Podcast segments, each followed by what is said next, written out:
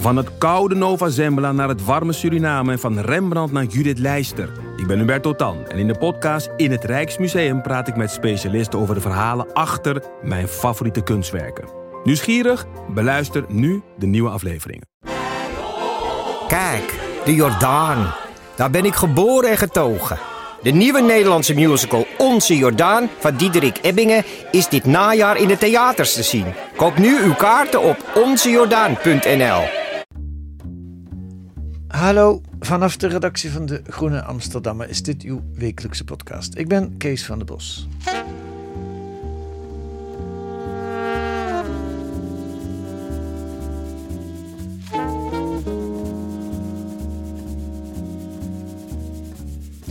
Het dubbeldikke groene nummer dat voor u ligt kent een gasthoofdredacteur. Het staat er ook voorop, Marleen Stikker. Ze is directeur en oprichter van De Waag, een leidend Europees onderzoeksinstituut voor technologie en maatschappij. Vijf jaar geleden was ze zomergast in het gelijkmatige VPRO-programma. Ze schreef het boek Het internet is stuk, maar we kunnen het repareren. Vier jaar geleden was dat. Kortom, een expert op het gebied van technologie en maatschappij. En ze was er vroeg bij, want in 1993 al, toen een computerscherm nog zwart was, met een oplichtend vierkant blokje, wie weet dat nog, richtte uh, Marleen de digitale stad op, het eerste sociale platform op internet. En vorig jaar is dat, die digitale stad, tot UNESCO erfgoed verklaard. Geen wonder dat de Groene haar graag als gast hoofdredacteur heeft gevraagd. Welkom in de podcast, Marleen. Dankjewel. Nou, hier ligt hij, de, de, de, jouw nummer. Uh, ik neem aan dat je, maar ik zag ook al een foto van jou met ermee op Twitter, heel trots. Wat, wat, uh, waar ben je het meest trots op als je zo uh, van de, wat er hier gebeurd is?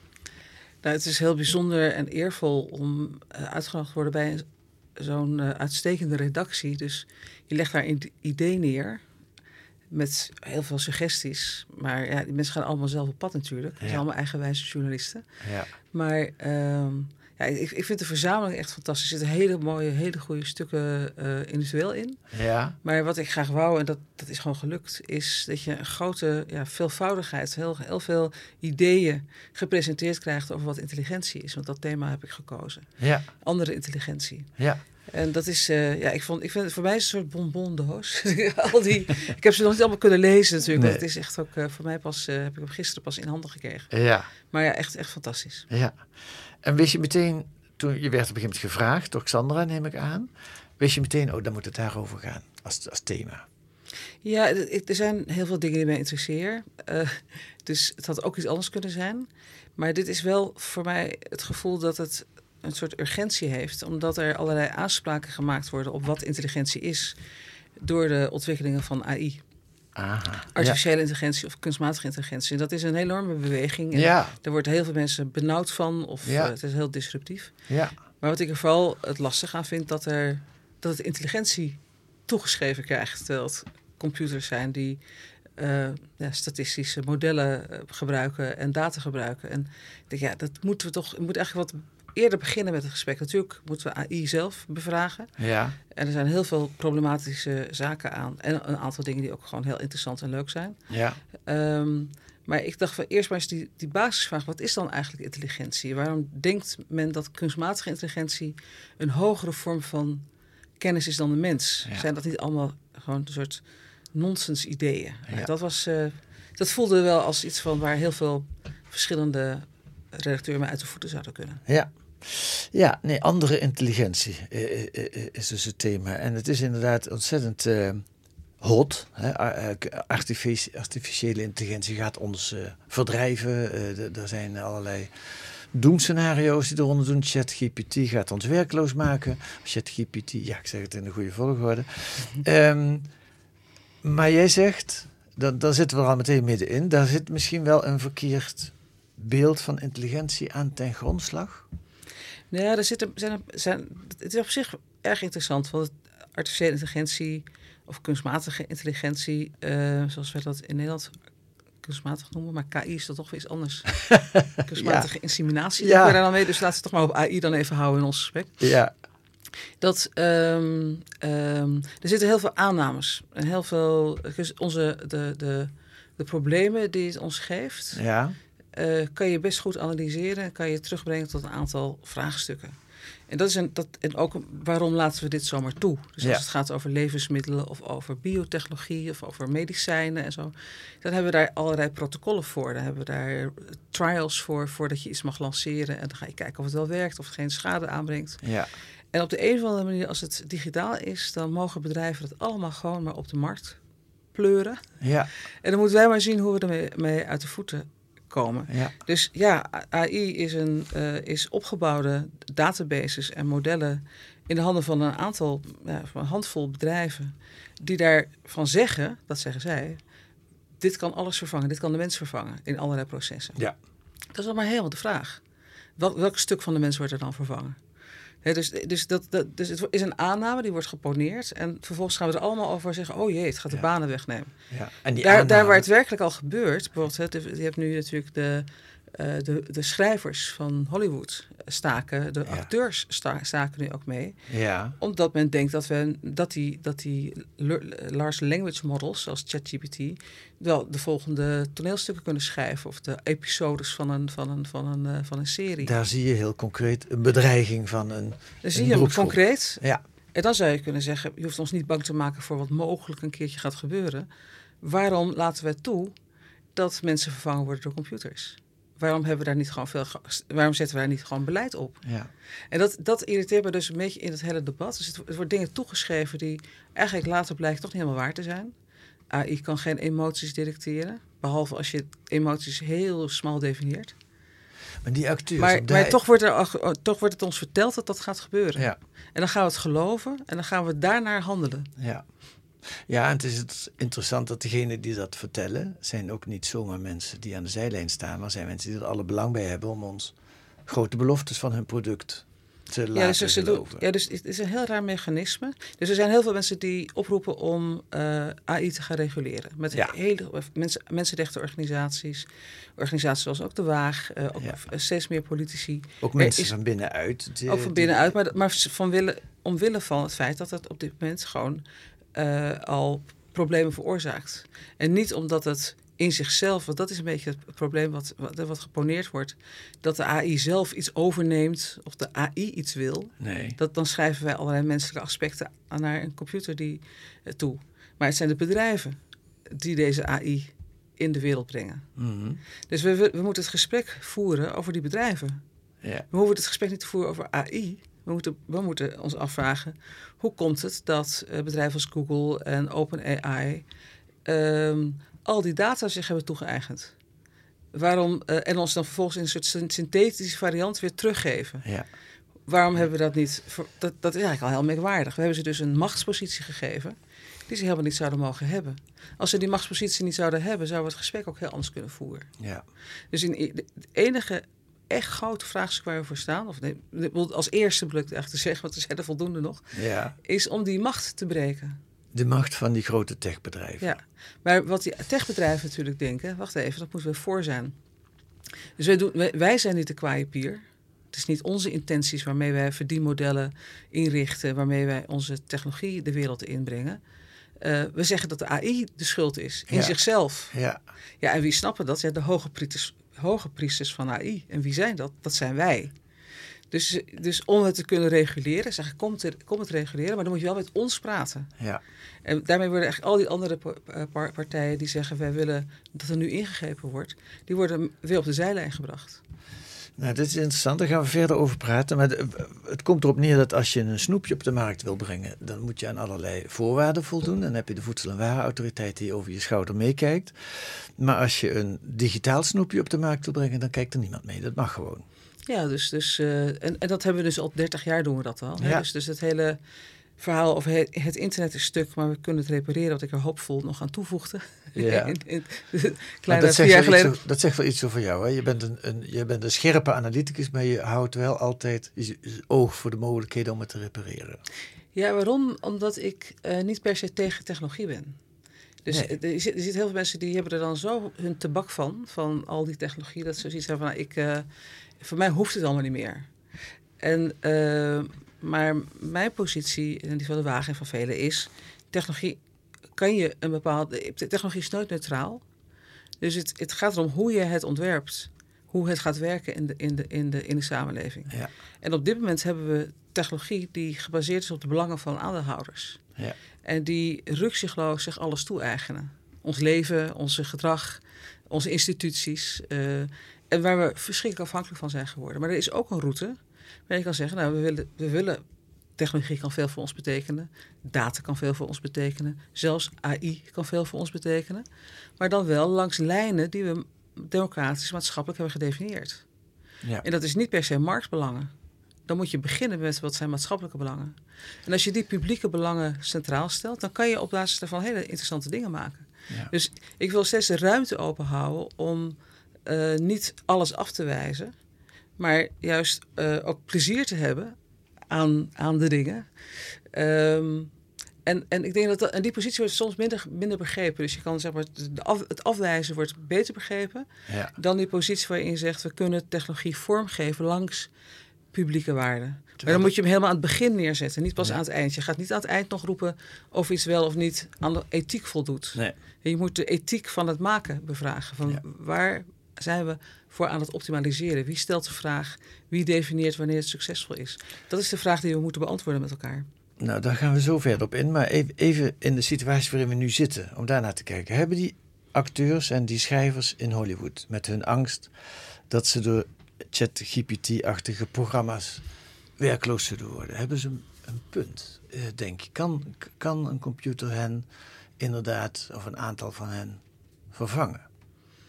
Ik denk dat de 3D-technieken en de virtual reality-technieken ver genoeg zijn om eh, een, een op, op een persoon gebaseerd personage te maken, een acteur bijvoorbeeld. Ja. En die eh, stukken te laten spelen in de film of daar films mee te maken die realistisch aandoen of die semi-realistisch aandoen. Het kan heel goed een nieuwe, nieuwe vorm worden. Ja. Ik zeg niet dat dat niet mogelijk is. Nee, maar dan heb je het al over beelden. Ik dacht nog aan de scenario-schrijvers. Ja, maar die acteurs, het is niet voor niks dat de acteurs zich ook melden. Hun stemmen kan je gebruiken. Ja. Je kan, eh, eh, zeker als je een karakteristieke stem hebt, kan jou alles in de mond gelegd worden zo- zonder dat je zelfs beeld erbij hebt. Ja. Eh, maar het gaat ook natuurlijk ook echt over de fysieke verschijning, de, de kenmerken, de, de gezichtskenmerken, de, Ja. de verschijning. Dus ja, dat, dat is. En dat is die angst terecht? Die, die, of die angst, ja, ik dacht maar even vanuit dat de angst de basis van hun staking is. Hun posities voelen ze. eh, ik weet niet of het angst is. Ik denk dat het gewoon reëel is. Het is niet angst voor iets vaags. Dit is wat feitelijk gebeurt. nee, maar angst kan ook Ja. terecht zijn. Ja, ja. Nou ja, ik denk, dit is de strijd die we kennen al honderd jaar, honderden jaar. Dat is tussen de arbeider en degene Ja. die de, de, de, de, de fabriek. En dit Ja, is, in dit geval heeft Hollywood heeft een fabriek. Ja, En die heeft alle gereedschappen in huis. ja. En de acteurs hebben niks. En dat geldt dus ook bij ons burgers. De, de fabrieken, de, de digitale fabrieken, eh, hebben alles in huis. Het, het kapitaal, de data, de algoritmes, de modellen. En wij als samenleving hebben helemaal niets. Dus er is een ongelooflijke machtsdisbalans. Dus het feit dat die vakbonden als eerste zich nu melden, eh, ook tegen de ChatGPT-achtige toepassingen, Mhm. is omdat dit gewoon een strijd is tussen, tussen klassieke strijd. Tussen Tussen arbeid en. arbeid en kapitaal. Ja. Maar van de andere kant, kijk, er worden een hele hoop productieprocessen nu, eh, of eigenlijk alle productieprocessen worden heel anders gedaan dan eh 10, 20, 30, 40 jaar geleden. Als je, als je ziet hoe auto's in elkaar gezet worden, dan komen amper nog mensen aan te, aan te passen. Dat is een robot. Zo.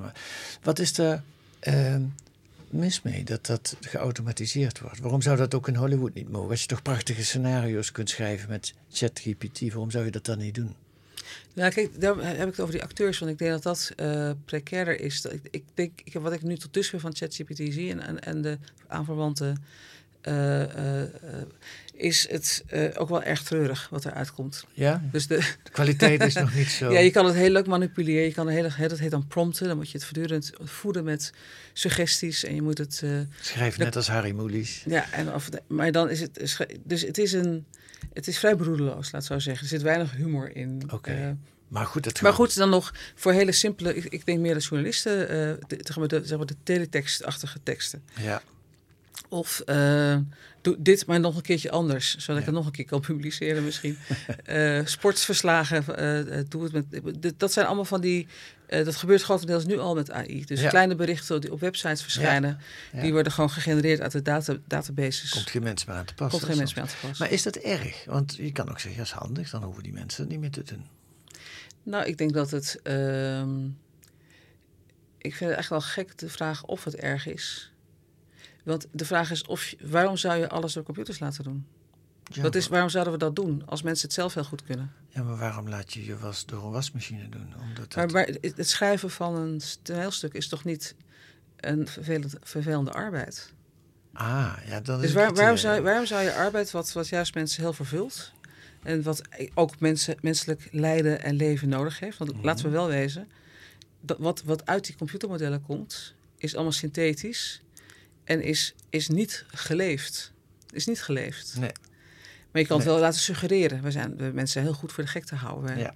Als, je, als je een deurknop ziet, dan herkennen we daar soms al een mensengezicht in. Dan vinden we het heel lief. Ja. Dus we zijn, we zijn in- enorm mogelijk om... Ja, en je kunt zeggen, je hebt ook hele slechte scenario-schrijvers die misschien nog wel slechter doen dan ChatGPT. En misschien wordt ChatGPT wel heel goed over tien jaar of zo, dat het zichzelf verbetert. Ja, ik zit even Maar de advocaat maar- van de duivel te Ja, ik, ik snap het. Maar wat, wat ik, wat, en ik denk dat er ook scenario-schrijvers ook nu al zijn van, die het gebruiken als hulpmiddel. Ja, Waar het me om gaat is dat je, eh, als je zegt dat we eh, toestaan dat de collectieve productie van de mensheid is nu in handen van vijf bedrijven.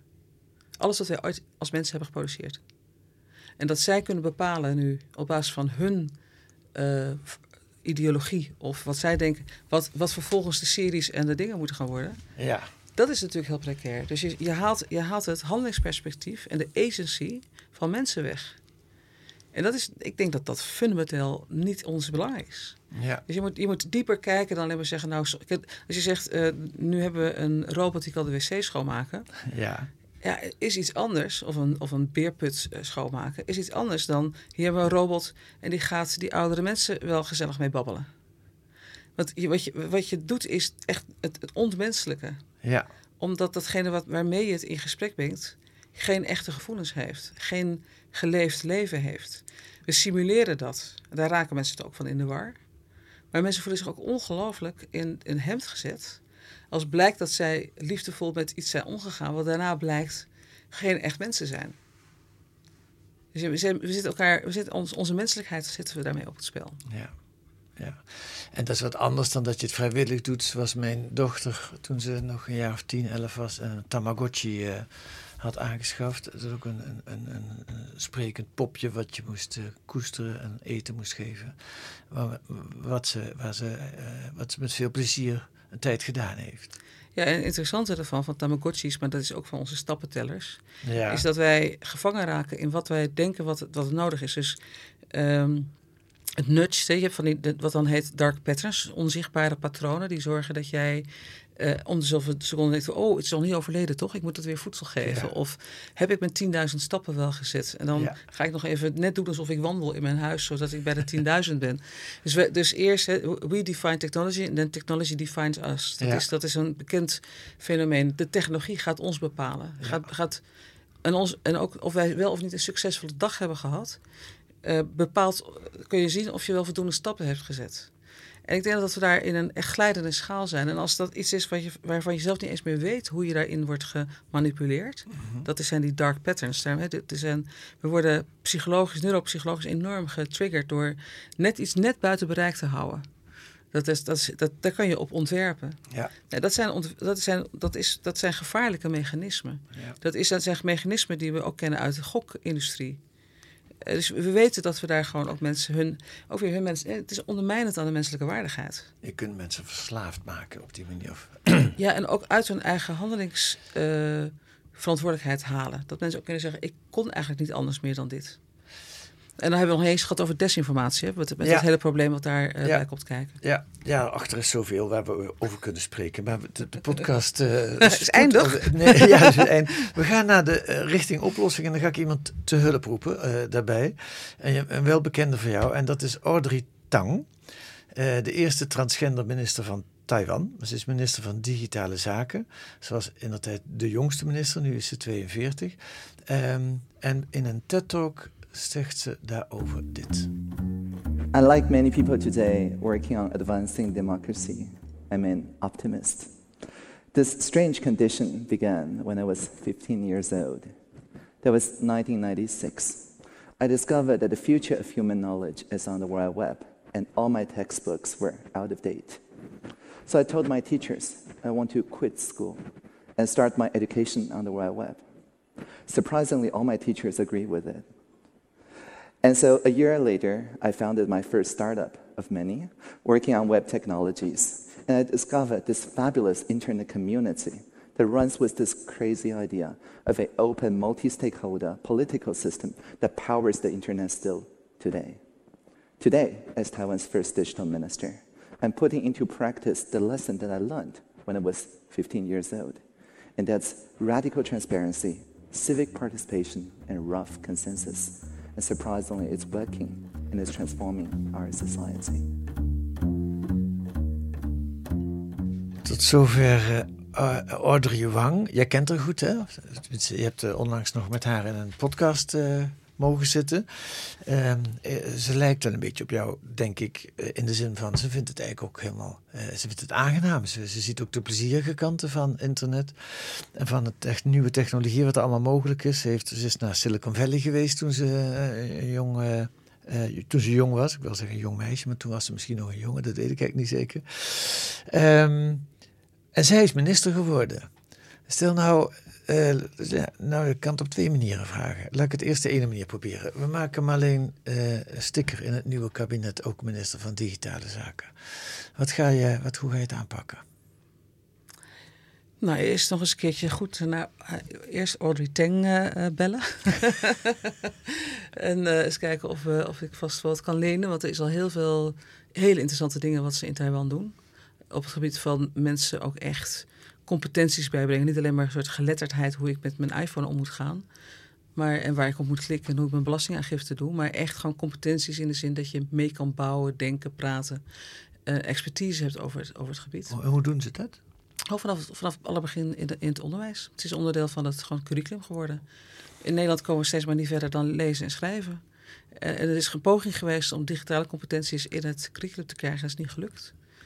Terwijl, terwijl nou goed, anyway. Maar de, okay. um, nee, dus met Audrey Tang uh, wat, wat praten. En, maar kijk, ik denk dat er, um, we hebben, ik, dat, wat ik aan het eind van dat boek, het internet is kapot en we kunnen het repareren, heb ik vijf gebieden genoemd waar we op kunnen handelen. Mm -hmm. En een daarvan uiteraard is gewoon wetgeving.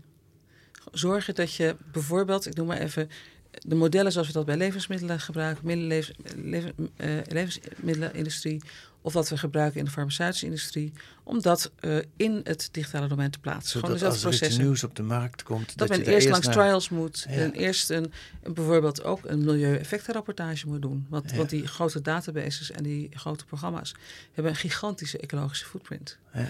Dus gewoon normale stappen, gewoon het onderdeel maken van een normaal democratisch proces wat we eigenlijk kennen. Hm. Um, en ik denk dat, dat dat kan je dus niet alleen vanuit Nederland, dus dat moet je, dat grotendeels moet het ook vanuit Europa. Ik denk dat we ook op een punt staan nu dat wat eigenlijk Amerika zou moeten doen, is wat we toen ook ooit met de telecomindustrie hebben gedaan. En ook eerder met, met, met, met dat, je, dat je echt die, die grote monopolies openbreekt. Dus dat je moet zeggen, nou, met de oliemaatschappij is dat ook gebeurd. Ja, ja dus dat je echt op, openbreekt omdat ze op dit moment zoveel macht hebben vergaard. Ook over overheden zelf. Ja. Die locked in zitten in systemen waar ze niet meer zelf uit kunnen. Dus, dus splits je maar op en, en er moet meer echte concurrentie komen. Ja. Okay. En ik zou voor de overheid zelf een transitieplan maken op basis van die publieke waarden. Van waar, zit je, waar zitten we nu aan vast? Hoe komen we eruit? Kunnen we, kunnen we een plan maken voor de, 10, de 15 jaar om in ons eigen aanbestedingstrajecten te zorgen dat het open en transparante technologie is die we aanbesteden. Open source technologie, denk open, ik. Open hardware, uh, open source. Dat betekent dat de broncodes van de dingen die je ontwerpt, dat die toegankelijk zijn voor iedereen. Nou, ik, ik, ik ben niet voor. Dat is een beetje preciezer geworden, want open zou betekenen dat iedereen erbij kunt, ja. kan. Maar we praten steeds meer met elkaar over data commons. Dus dat je een heel goede governance op die data hebt. Zodat je goed kan bepalen wie wel en wie niet toegang heeft tot die data. Oh ja, dus commons zijn een soort gemeenschappelijke gronden. Gemeenschappelijke gronden waar je wel een hele duidelijke regels omheen hebt. Ja. En ik denk dat dat idee dat alles open access moet zijn, dat we daarop terugkomen. Dat we zeggen, we willen Waarom? niet... Omdat er ook gevaarlijke mensen bij kunnen dan of zo. Nou ja, omdat mensen met diezelfde informatie, dat, wat, wat, wat nu gebeurt, dat, dat men gewoon het hele internet afgraast naar content. Ja. En dat het dan toe-eigent uh, en vermengt met andere content en dan zegt dat, zij, dat het hun eigen eigenaarschap is geworden. Ja. Dus wil je dat het, je moet het dus bewaken. Je moet ook zorgen dat die publieke open waarde ook in, in de manier waarop je die data beheert en eh, goed komt. Hm. Maar ik zou vooral, en dat is, dat is wat ik ook wel de, de huidige staatssecretaris van Huffelen uh, toe heb opgeroepen. En waar ik afgelopen week ook een gesprek met haar en een aantal mensen over heb gehad. Met, onder andere met de Bundesrepubliek Duitsland. Duitsland moet ik dan zeggen even. In, in, dezelfde taal te houden. En, met, en Frankrijk. Ja. Is dat er echt een Europees beleid moet komen om te investeren in publieke, een, een publiek internet. Dus dat betekent een veel. Dus in plaats dat we al die licenties betalen, dat wat in de biljoenen gaat aan bedrijven die geen uh, niets daarvan teruggeven aan ons. Dus we zitten volledig locked in als het gaat over onze systemen die we gebruiken. Waar betaal je die licenties dan voor? Nou, voor de Microsofts, voor de SAP-applicaties. Uh, ja, ja, voor de software die je Alle koopt. software die je koopt. En als je, als je een, een fractie daarvan in gaat zetten om te zorgen dat die systemen gebaseerd zijn op open en publieke uh, waarden, dan kan je langzamerhand heel veel geld vrij spelen. Bijvoorbeeld ook social media creëren die in handen van de overheid zijn. Nee, dat hoeft niet per se van de overheid te zijn. Dus wat, dat is zo, dat is, we zijn zo getraind te denken in twee termen van. Of we moeten zeggen, de overheid kan het niet. Ja. Want die, haha, die kunnen het niet, die snappen het niet. Dat is een beetje de houding die we de afgelopen 30 jaar ten opzichte van digitalisering uh, hebben gehad. Het begon ooit met uh, uh, minister Kok. Minister-president ja. Kok die ja. de, de, muis in de, in de lucht bewoog. Ik herinner me nog naar het beeldscherm toe, omdat hij naar een andere site En toen vonden we het allemaal heel belachelijk. Maar dat, ja. dat is wel de applicatie die we nu gemaakt hebben. Dus hij was gewoon heel voor. Ja. Dat vonden we dus heel... Oh, zie je wel, hij snapte niks van. Terwijl hij liet zien wat een intuïtief... Hoe, hoe het eigenlijk had gemoeten toen al. Ja, ja, ja. Um, zo kun je het ook zeggen. Maar het was wel een teken ook van het feit dat hij zelf zelden uh, zijn muis bediende, denk ik. Ja, maar dat, dat, dat, dat, dat lacherig zijn over dat de overheid het niet kan, daar kan ik echt niet zo goed tegen. Oké. Okay. Dat komt deels omdat uh, de expertise ook allemaal weer ingekocht wordt. Ja. Dus vaak zit aan de kant van de mensen die binnen de overheid het moeten runnen, is het ingekochte uh, uh, consultants, mm -hmm. die dan weer met de industrie, die deels dezelfde industrie is, moet gaan onderhandelen. Ja. En je ziet dat daar enorme kostenverhoging ontstaat. Uh, en dat er dus te weinig aan kennisopbouw in het ambtelijk, het puur ambtelijk apparaat is. Dus dat opdrachtgeverschap, daar zou je veel uh, meer aan moeten doen. Om ja. te zorgen dat men goed geïnformeerd is. Maar degene die het zo uit de hand lopen, is wel, is wel het ICT-bedrijfsleven. Die overschrijdingen, het voortdurend ja. systemen maken die niet niemand begrijpt. Ja, ja sorry, ik kan het, dat is, dat, zij zouden toch die professie moeten hebben. Dat blijkt dus keer op keer. Dus degene die het op dit moment echte problemen veroorzaken, ja. is de industrie zelf. Terwijl die dan weer nodig hebben om ons uit te gaan leggen hoe we het dan moeten gaan, uh, gaan beheren. De Belastingdienst werkt momenteel heel slecht en heeft allerlei problemen, omdat de ICT'ers niet een goed systeem kunnen leveren waarmee uh, de belastingen geautomatiseerd kunnen worden. Bedoel je dat? Dat, dat deels, maar er zit, het is natuurlijk een complex vraagstuk. Dus deels wordt het steeds, gaan we een probleem maken, een model van. En dan gaan we daar een, een ICT-architectuur onder leggen. En vervolgens gaan we dan mensen met dat systeem laten praten. En dan kijken we of, de, of mensen nog het juiste knopje drukken of de Ja. juiste interface begrijpen. Wat je natuurlijk wil, dat je, dat, je de, dat je die processen eerst veel collectiever in kaart brengt. Inclusief de mensen voor wie dat dan bedoeld is. Die zitten vaak helemaal niet, zijn niet mee ontwerper van dat systeem. Ja. Dus je zou een heel ander ontwerpproces moeten inrichten. Eh, vervolgens moet je ook een ander beheersysteem inrichten, zodat we niet voortdurend die licentiekosten van die in de biljoenen lopen kwijt zijn, waardoor we de, ook de kosten niet meer hebben of de middelen niet hebben om te investeren. Eh, Tot slot, een paar dingen die nu al goed gaan. Eh, Wikipedia bijvoorbeeld, dat is denk ik een voorbeeld van een common, van een, een, een niet-commercieel gebruik en wat, wat het goed werkt. Dat is, dat, de, dus de, de Wikipedia is, het is een heel interessant fenomeen nog steeds. Eh, het is ook, een heel, ook heel erg problematisch in de zin dat eh, ehm, er is, dat is niet evenwichtig. Bijvoorbeeld, er zijn niet evenveel vrouwen in beeld gebracht in de, in de online encyclopedie dan, je, dan, er, dan, dan dat je zou willen. Dus ook de, degene die bijdragen is niet helemaal evenwichtig eh, in Noord-Zuid of eh, gender. Dus in die zin, eh, maar het blijft een waanzinnig eh, fenomeen. En het, gelukkig lukt het Wikipedia ook nog steeds om dat in, ja, in, in publieke, in commons te laten Ja. zijn. Het is geen commerciële partij die het heeft. Nee. Maar ik ben ook heel blij met, het hoeft, eh, met eh, Nextcloud, dat is een hele goede vervanger van Google Docs. Dus grote bedrijven. Nextcloud, is een, is een, dat is een, dat is om documenten te beheren, om shared documents te kunnen maken. Wat mensen normaal gesproken bij Google eh, aan het doen ja. zijn. ja, als wij samen in een document willen werken, dan... Ja, dus Nextcloud is een hele goede vervanger, echt hoogwaardig Oké, grote. eh, ook niet commercieel. Nou, wat weet je, het is, het is open, open source en open hardware. Hm. Dus het gaat me niet zozeer om het vraagstuk of het wel of niet commercieel is. Het gaat me om of het verdienmodel gericht is om ons steeds afhankelijker te maken. Of dat het verdienmodel gericht is op gewoon serviceverlening. Ja. Dus je moet veel beter kijken naar wat nou de aard van de, van maar de als het leverancier commercieel is. is. dan is er toch altijd een soort drang om jou afhankelijk te maken. Want dan kan ik meer verdienen misschien. Maar wat, wat, waar je bij Linux, eh, dat is het grote voorbeeld Linux en Red Hat. Linux is de software, open source eh, software waarmee, de, waarmee computer, eh, computers draaien, zeg maar, Ja. open, operating systemen. Ehm, dat, is, dat is publiek en openbaar en iedereen kan het gebruiken.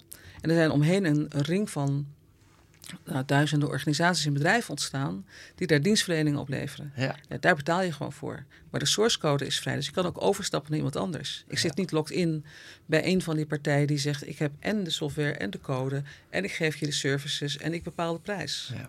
Dus het, het levert echt een ander soort economie op. Een ander denken over afhankelijkheid. En ik denk dat dat langzamerhand volgens mij ook zelfs in de wat klassiek economische domeinen begrepen wordt. Dat iets als een commons een heel belangrijk onderdeel van het economische verkeer wordt. Ja. Goed. Weet je wat ik ook grappig vind? Even eh, tot slot, dat sommige dingen ook zo onvoorspelbaar zijn. Dus toen met de opkomst van internet, ik, ik werkte toen bij de VPRO en dan kregen we cursussen over hoe mediagebruik zou veranderen. Vroeger keken we om acht uur journaal, omdat dan acht uur het journaal was, maar dat zou gaan veranderen, on demand, dat klopt allemaal. Maar wat we hier aan het doen zijn, podcasts, heeft niemand voorspeld. Dat is gewoon ineens opgekomen. Of heb ik iets gemist? Ja, kijk, voor mij, ik, het, het eerste, een van de eerste dingen die we deden in 1914, eh, 1914 haha. 1994 Oh, misschien. 1994, ik, ben, ik loop nu wel heel, Ja. heel lang naar achter. Nee, Ja. Mijn klok loopt niet helemaal goed meer. 1994 was eh, wat we nu second screen noemen. Dus het, het chatten bij een, eh, bij een televisieuitzending. Ja, je kijkt naar een film en je onderwijl zit je met... dat, met kon, je- dat deden we in 1994 al. Ja, ja, maar dat is iets anders dan podcast. wat Nou, dat is, dat is een stuk, nog een stuk ingewikkelder dan, dan podcast. het, begon met, het internet begon met radiomakers. Gewoon De, de, de groep mensen met wie wij het internet starten, in, eh, het publieke internet starten Ja. in 1994, Ja, waren mensen van StaatsTV Robotnik, van de Open Radio 100. Dus het, het, het is mede, die, die eerste gebruik is mede groot geworden doordat mensen dachten, hé, hey, we hebben de ether, ja, we, kunnen, we mogen hier in Amsterdam mocht je dan op, op de open kanalen van Salto. ja, Dat was al heel wat, was, dat was, was wel eh, legaal. Of je kan het internet gebruiken. Dus, dus voor mij is radio en podcast en, en al die dingen is gewoon, is, staat aan de oorsprong ervan. Oké. Dat, er geen, dat het verdienmodel pas later komt. Ja. En dat je vervolgens, en dat zie je natuurlijk de hele tijd gebeuren, het, het, het, de inventie, het uitdenken van wat we ermee zouden kunnen, Mhm. dat, dat is eigenlijk bijna allemaal al gebeurd, zou je kunnen zeggen. En eh, we hebben alleen, duurt het dan voordat er een partij zo dominant wordt dat het afdwingt dat het een, een, een standaard kan zetten. Oké. Ehm, en je bent dan, helemaal tot slot dan de, de vraag. Je bent dus, zeg je, vorige week of van de week met staatssecretaris van Uffel heb je gesproken en met, met iemand van eh, Duitsland erbij. Frankrijk, dat wil zeggen, je, je, je, je, ja goed, dat is ook algemeen bekend. Jij adviseert ook op Europees niveau. Ehm, is er hoop? Niet alleen eh, in de zin van, ja, zie jij, zie jij ontwikkelingen die dat het eh, goed gaat komen, beter gaat worden? Nou, ik, zie, ik zie helaas evenveel voorbeelden van hoe het steeds erger wordt. En ik zie hele goede ontwikkelingen om eh, toch meer grip hierop te krijgen en het en ten goede te keren. Ehm, en het lastige is dat dat beide ook. Dus in Europa kan op het ene moment denk je, ah, weet je, Europa zet hier echt stappen. Bijvoorbeeld over die AI Act, wetgeving die er Ja. nu aankomt, of Ja. over de Digital Service Act en de Market Act. Ja. Een van de redenen waarom hè, er is een alternatief vanuit Facebook ontstaan voor Twitter. Thread heet dat, of Meta moet ik nu zeggen trouwens. Ja. Nou, daar staan er honderden miljoenen hebben zich al aangemeld, maar het is officieel niet toegestaan nog in Europa. Ja. hebben ze zelf besloten omdat ze niet kunnen voldoen aan de wetgeving in Europa. Want het probleem natuurlijk, als je dat gaat gebruiken, is dat je, dat, dat allemaal weer opgeslagen wordt en gebruikt wordt zonder enige bescherming. ja. Ehm, dus die, die, die wetgeving van, eh, van Europa heeft ook wel echt invloed op hoe bedrijven zich, zich eh, organiseren en handelen. Ehm, ik zie dat daar nog veel meer ambitie is. Ehm, grappig, Paul Tang, eh, een, een Nederlander, eh, is ook heel erg bezig op, op, op zeg maar, die vormen van ad- advertisement, Ja. die, die behavioral advertisement eh, tegen te gaan. Dus ja. en dan, zo zijn er heel veel mensen heel actief. ik vind ook dat ook in de, in de, bij hier in Nederland, de Tweede Kamer, die commissie digitale zaken, een stuk scherper is. Het feit dat we een staatssecretaris hebben op dit punt, die moet ik zeggen toch ook echt wel echt uh, voor het eerst gewoon duidelijke stappen zet. Bijvoorbeeld zo'n coalitie rondom datacommons in Europa tot stand te brengen, zelfs nu ze dimensionair is. Ik, ja, ik moet zeggen, dat zijn voor mij goede ontwikkelingen. Ja. Waar ik vooral blij mee ben, is dat er uh, serieuze alternatieven zijn als je weg wil stappen uit het imperium van Google en, en, en, en, en Meta en dergelijke. Maar tegelijkertijd, als het gaat over defensie en AI, hoe dat nu wordt ontwikkeld, bijvoorbeeld in killer robots en dergelijke, dan maak ik me ongelooflijk zorgen, want daar kijkt bijna niemand naar. Er zijn, uh, hoe wij het in de surveillance staat die we aan het opbouwen zijn. Uh, een van de interessante, de toeslagenaffaire kennen we natuurlijk allemaal. Ja. En uh, er is dus een programma Werken aan Uitvoer is er opgezet om, om de overheid beter te laten werken aan uitvoer. Want kennelijk is er iets misgegaan. Want we hebben het verkeerd aangestuurd toen. Voor de toekomst. Met, voor de toekomst. Ja. En dan zie je wat eruit.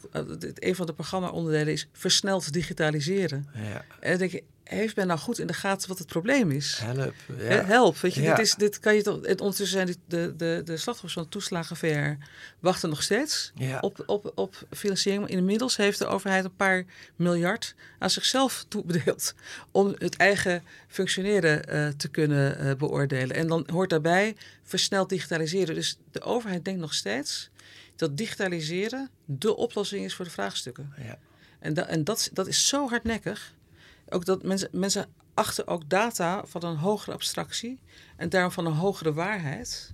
Terwijl data natuurlijk nooit een neutrale positie inneemt. Want iemand besluit om iets wel of niet tot data te verklaren.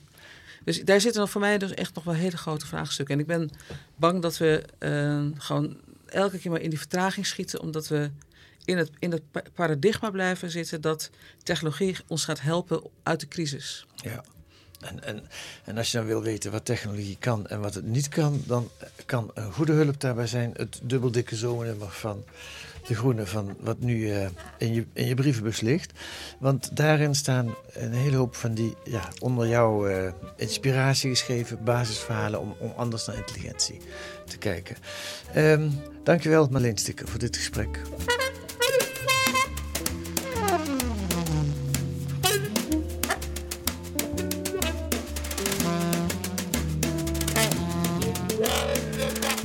Wat staat er nog meer in het dubbeldikke zomernummer van De Groene uh, deze week? Een verhaal over slimme blondjes. Want hoe dom kunnen Pamela, Paris en Britney zijn als ze zichzelf hebben gecreëerd? En De Groene recensenten selecteerden voor u de domste personages uit de wereldliteratuur, om over andere intelligentie gesproken. En er is een zomerverhaal, geschreven door Nadia de Vries.